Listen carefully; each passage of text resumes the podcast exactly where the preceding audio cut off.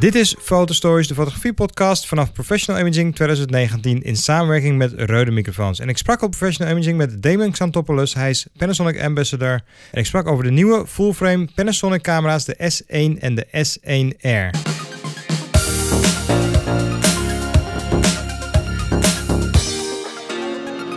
We staan op Professional Imaging in Nijkerk. Het is zondag en ik heb hier naast mij staan Diamond Xantopoulos. Zeg ik het goed, Diamond? Klopt, Diamond. En jij bent Panasonic Ambassador. En Ja. jij hebt je de afgelopen maanden, mag ik wel zeggen, bezig gehouden met de Lumix S1R. S1 en S1R. En, en S1R, nou, beide modellen. Dat zijn dus de nieuwe full-frame mirrorless camera's van Panasonic. Ze zijn eigenlijk sinds deze week, begreep ik, zijn ze in de winkel. Maar jij hebt natuurlijk al heel veel ervaring met die camera's opgedaan. En ook de lancering van die camera's gedaan in Europa. Ja. Wat kan je mij kort vertellen over die camera's? Waarom heeft Panasonic toch gekozen, die jarenlang wel marktleider was, of in ieder geval de uitvinder van de mirrorless camera, maar zat altijd op camera's met een kleine sensor, zijn nu toch overgestapt naar full frame of hebben het ernaast? Ik denk dat mensen daar heel erg benieuwd naar zijn wat daar het verhaal achter is. Maar wat kan je ons vertellen over waarom Panasonic nu deze camera's in de markt heeft gezet? ja, laat me eerst wel zeggen, ik ben vooral fotograaf en filmmaker. Ja, Dus voor hun ambassadeur, omdat ik met hun systemen werk en daar dus eh, ook eigenlijk mee laat zien wat ik daarmee doe. ja. Dus wat ik zeg, zeg ik niet als spokesperson van Panasonic, maar is echt mijn eigen mening natuurlijk. Snap ik. Ik zeg het er even bij, dat mensen ook niet denken van nou krijgen we nu een reclame te horen van Panasonic. Nee, zeker niet. Ehm, ik denk zeker niet, maar dat is echt mijn idee dat het een vervanging is. Eh, Nee. Het GH-systeem, G-systeem hebben zichzelf bewezen. Zijn niet voor niks zo groot en zo eh, ja, geliefd ook. Ja, Ehm, dus ik zie het vooral als een uitbreiding. Ja. Eh, door zeker de professionele markt. Er is gewoon een grote groep professionals die graag meer resolutie wil, grotere sensor eh, en met name beeldkwaliteit eh, hè, voor het hoge segment die daar echt meer in wilden. En ik denk dat ze daar zeg maar, op geantwoord hebben met twee systemen nu. De S1 en de S1R. Eh, de ene echt een hybride systeem die en in fotografie en in film heel gebalanceerd is. ja, Ehm, de andere echt ja, 100% resolutie, dynamisch bereik. De kleur science is, is echt heel goed. Dus dat is, eh, en dan ook een goede body, stevig gebouwd, een goede lens eromheen. Gelijk partnerships met andere toplensmakers zoals Ja, Sigma, Leica. Sigma. Dat is echt, zeg maar, eh, denk ik, wat zo'n systeem te bieden heeft, vooral aan, aan fotografen. Want ik weet niet of zij er zelf zoveel voordelen uithalen aan zo'n partnership. Ik denk dat wij uiteindelijk als, als gebruikers eh, de grootste voordelen krijgen. Want we krijgen gewoon een platform waar, waar drie ja, goede, goede partijen Ja. aan meebouwen. Ja, ik begreep al inderdaad dat maar heel snel komt met zijn hele serie art lenzen. Dat zijn dus die prime lenzen voor deze camera's. Ja, dat heb ik ook gehoord. Ik heb bijvoorbeeld wel ook met de Leica SL's gewerkt. Ja. Eh, de 70 APO eh, op dit systeem werkt waanzinnig goed. Ja, dus je ziet ook dat eigenlijk doet, dat, doet Panasonic dat op verschillende vlakken. Hè? Ja. Ze werken natuurlijk ook nauw met Atomos samen. Ja. Zorgen dat al die dingen perfect op elkaar zijn afgestemd. Dat ze elkaar eh, het continu ja, iets toe te voegen hebben. En ik denk dat dat zeg maar op de lange termijn voor ons wel heel interessant is. Wij Zeker. hebben op die manier natuurlijk ja, gewoon een, een, veelzijdig systeem. ja, absoluut. Jij schoot hiervoor ook met Panasonic camera's, voordat je met de S1 eh, camera's schoot. Welke camera's werkte jij mee? Eh, ik werkte hiervoor eigenlijk vooral met de GH-systemen. Dus ik ben ingestapt in GH2, GH3. Ja, Eh, nu vooral GH5 en de G9. Ja. Ehm, GH5 gebruik ik ook veel voor filmdingen erbij. logisch. Dus eh, ik, ja, het, is, het is een dijk van een systeem. En ik heb eh, eh, volgende maand ook een tentoonstelling eh, in Assenburg, Kasteel. Assenburg in Nederland. Grote werken, allemaal op het G-systeem geschoten. Dus het systeem is zeker niet dood. Het laat ook zien dat dat systeem echt nog wel heel goed is. Ja. Eh, het is gewoon een systeem bij. Je hebt gewoon als fotograaf eh, gewoon nog meer keus. Ik denk dat dat zeg maar vooral te bieden is. Ja. En wel ook echt nog wel een Panasonic. Dus Ja. al die extra technieken die je gewend bent, die zitten er nog steeds in. Zoals de gezichtsherkenning, oogherkenning, dat soort zaken. Gezichtsherkenning is ideaal, want je bent veel meer met een mens bezig als je Ja. portret, eh, portretten aan het maken bent. En, en eigenlijk het systeem zorgt dat de ogen scherp zijn. Maar ook eh, de timelapse, de videofuncties op hoog niveau. Ja. eh, ja, goede, goede connectivity voor andere externe eh, HDMI Ja. enzovoorts. Dus daar zie ik zeg maar nog steeds wel echt het Panasonic handschrift in. Ja. Eh, alleen we er is gewoon een extra systeem. Ja. En uiteindelijk, ja, ik ben er als gebruiker en als, als fotograaf heel blij mee. Wat was het eerste wat jou opviel aan die camera's? Ten opzichte van wat je gewend bent van de Panasonic systemen. Ja, wat ik, eh, nou, ik, moet, ik moet eerlijk zeggen, eh, in eerste instantie ben je vooral een systeem aan het leren. Ja. En, en je wil gewoon kijken waar zitten zijn grenzen. Dus als fotograaf, omdat je ik moet toch vertrouwen op zo'n systeem Ja. voor mijn werk. Dus je bent heel erg gericht op wa- wa- waar zitten zijn limieten. Hè? Dus hoge ISO, ik heb nachtelijk eh, de sterren gefotografeerd. Ja. Ja, dat, dat, daar was wel dat ik dacht, wauw, dit, is, dit tekent heel goed op hoge ISO. Maar ook gewoon vooral de detaillering in, in sterren fotograferen is, is een moeilijk eh, vak apart Zeker. eigenlijk. Ja. Dus daar zag ik voor het eerst echt wel een, een kwaliteitssprong.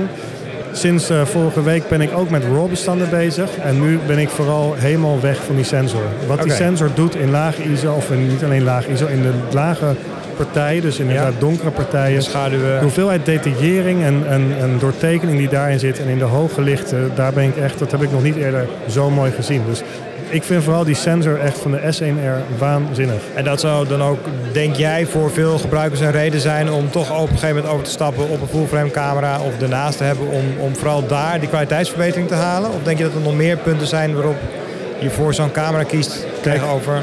Uiteindelijk, ik ben natuurlijk ambassadeur voor hem, maar voor mij hoeft niemand over te stappen. Ik, ik wilde vooral, hè, ik, ik koos voor dit systeem vanwege zijn, zijn brede inzetbaarheid. Ja. En, zijn, hè, zijn, dat zowel film, ik denk dat fotografen eh, op steeds meer platformen zijn. En een bedrijf dat zeg maar samenwerkt met andere sterke partijen en, en probeert op allerlei vakken en, en vlakken eigenlijk een voorloper te zijn. Ja. We hebben nu HDR fotomodus, eh, waardoor je eigenlijk als fotograaf een HDR-archief aanlegt, terwijl de HDR-schermen elk moment aankomen. Ja. Dat vind ik wel heel fijn. En dat, dat betekent dat je als fotograaf net even dat stapje voor kan hebben straks ten opzichte van de competitie. Eh, kijk, verder, wat, wat voor mij vooral is, echt slechte camera's zijn er vandaag niet meer. Nee, dus dat is het, is, mee eens. het is vooral wat je zelf fijn vindt. En Ja. ja, ik ben echt wel heel erg fan van Panasonic. En daarom vind ik het ook leuk om voor een ambassadeur te zijn. Hè. Het is ik, niet, ja. eh, niet zo dat je dat voor iedereen hoeft of wil doen. Maar het is wel een systeem wat, wat mij heel erg helpt in, in het veld om te focussen op wat echt belangrijk is. Het Ja. verhalen bouwen, mensen ontmoeten, toegang krijgen tot bepaalde Ja. gebieden om die foto's te kunnen En maken. dat geldt dus eigenlijk niet voor, voor specifiek de, de, de full frame camera's of de kleinere camera's, maar meer gewoon de Panasonic camera aan zich die jou daar heel veel mogelijkheden voor biedt om Ja. meer met het fotograferen bezig te zijn en wellicht minder inderdaad met techniek op het moment dat je foto's maakt. Exact, en dat ik geen andere dingen mee hoef te nemen om, om op het hoogste niveau te presteren. Dus eh, als ik een serie of een documentaire maak, eh, dan kan ik er met, een- met een, eigenlijk een switch van een knop gewoon op de hoogste resolutie, op de mooiste eh, kleurdiepte een film bij maken. Ja. Eh, mijn microfoons bij gebruiken en het hoeft allemaal niet zo ingewikkeld met een team. En het feit dat dat kan en dat je dat gewoon altijd bij je hebt, in je tas, waar je ook bent, dat vind ik echt een enorm pluspunt. En wat ik ook heel fijn vind, en dat vergeten mensen, tuurlijk heb je hele goede videocamera's, maar die camera, daar werk ik dagelijks mee. Ja. Dat is dezelfde camera waarmee ik mijn films maak, waarmee ik mijn interviews kan maken, waarmee ik mijn foto's maak, waarmee ik mijn hoge resolutie landschappen maak, waarmee ik mijn portretten maak. Diezelfde lenzen. Dus je krijgt onwijs een feeling met een systeem. Je hebt heel erg een veelzijdigheid die je dagelijks eigenlijk gebruikt. En Dat, dat is, vind ik, echt een enorm voordeel. Dus je hebt eigenlijk een, een, een alles in één apparaat en je hoeft niet meerdere bodies mee te nemen in dit geval, behalve als je mis- misschien een backup wil, maar je hebt één apparaat waar je alles voor kan gebruiken. Eén apparaat met heel veel mogelijkheden. Ja. En je kiest zelf, zeg maar, en het- je kan het wel van tevoren bedenken, maar het is belangrijk om dat ook in het veld te kunnen doen. Dus ik heb bijvoorbeeld in de SNR een high resolution mode. Daarmee Ja. kan ik een landschapsfoto maken in 187 megapixel. Ja. Heb ik echt niet elke dag nodig. Maar de momenten dat ik op een berg sta op 3000 meter hoogte, heb ik ook geen tijd meer om, om een een of andere medium format back in te laten Nee, vliegen. precies. En dan heb ik hem gewoon in mijn tas zitten. ja. Dat zijn, vind ik, echt hele grote voordelen. En zeker ook ten opzichte van, van andere merken.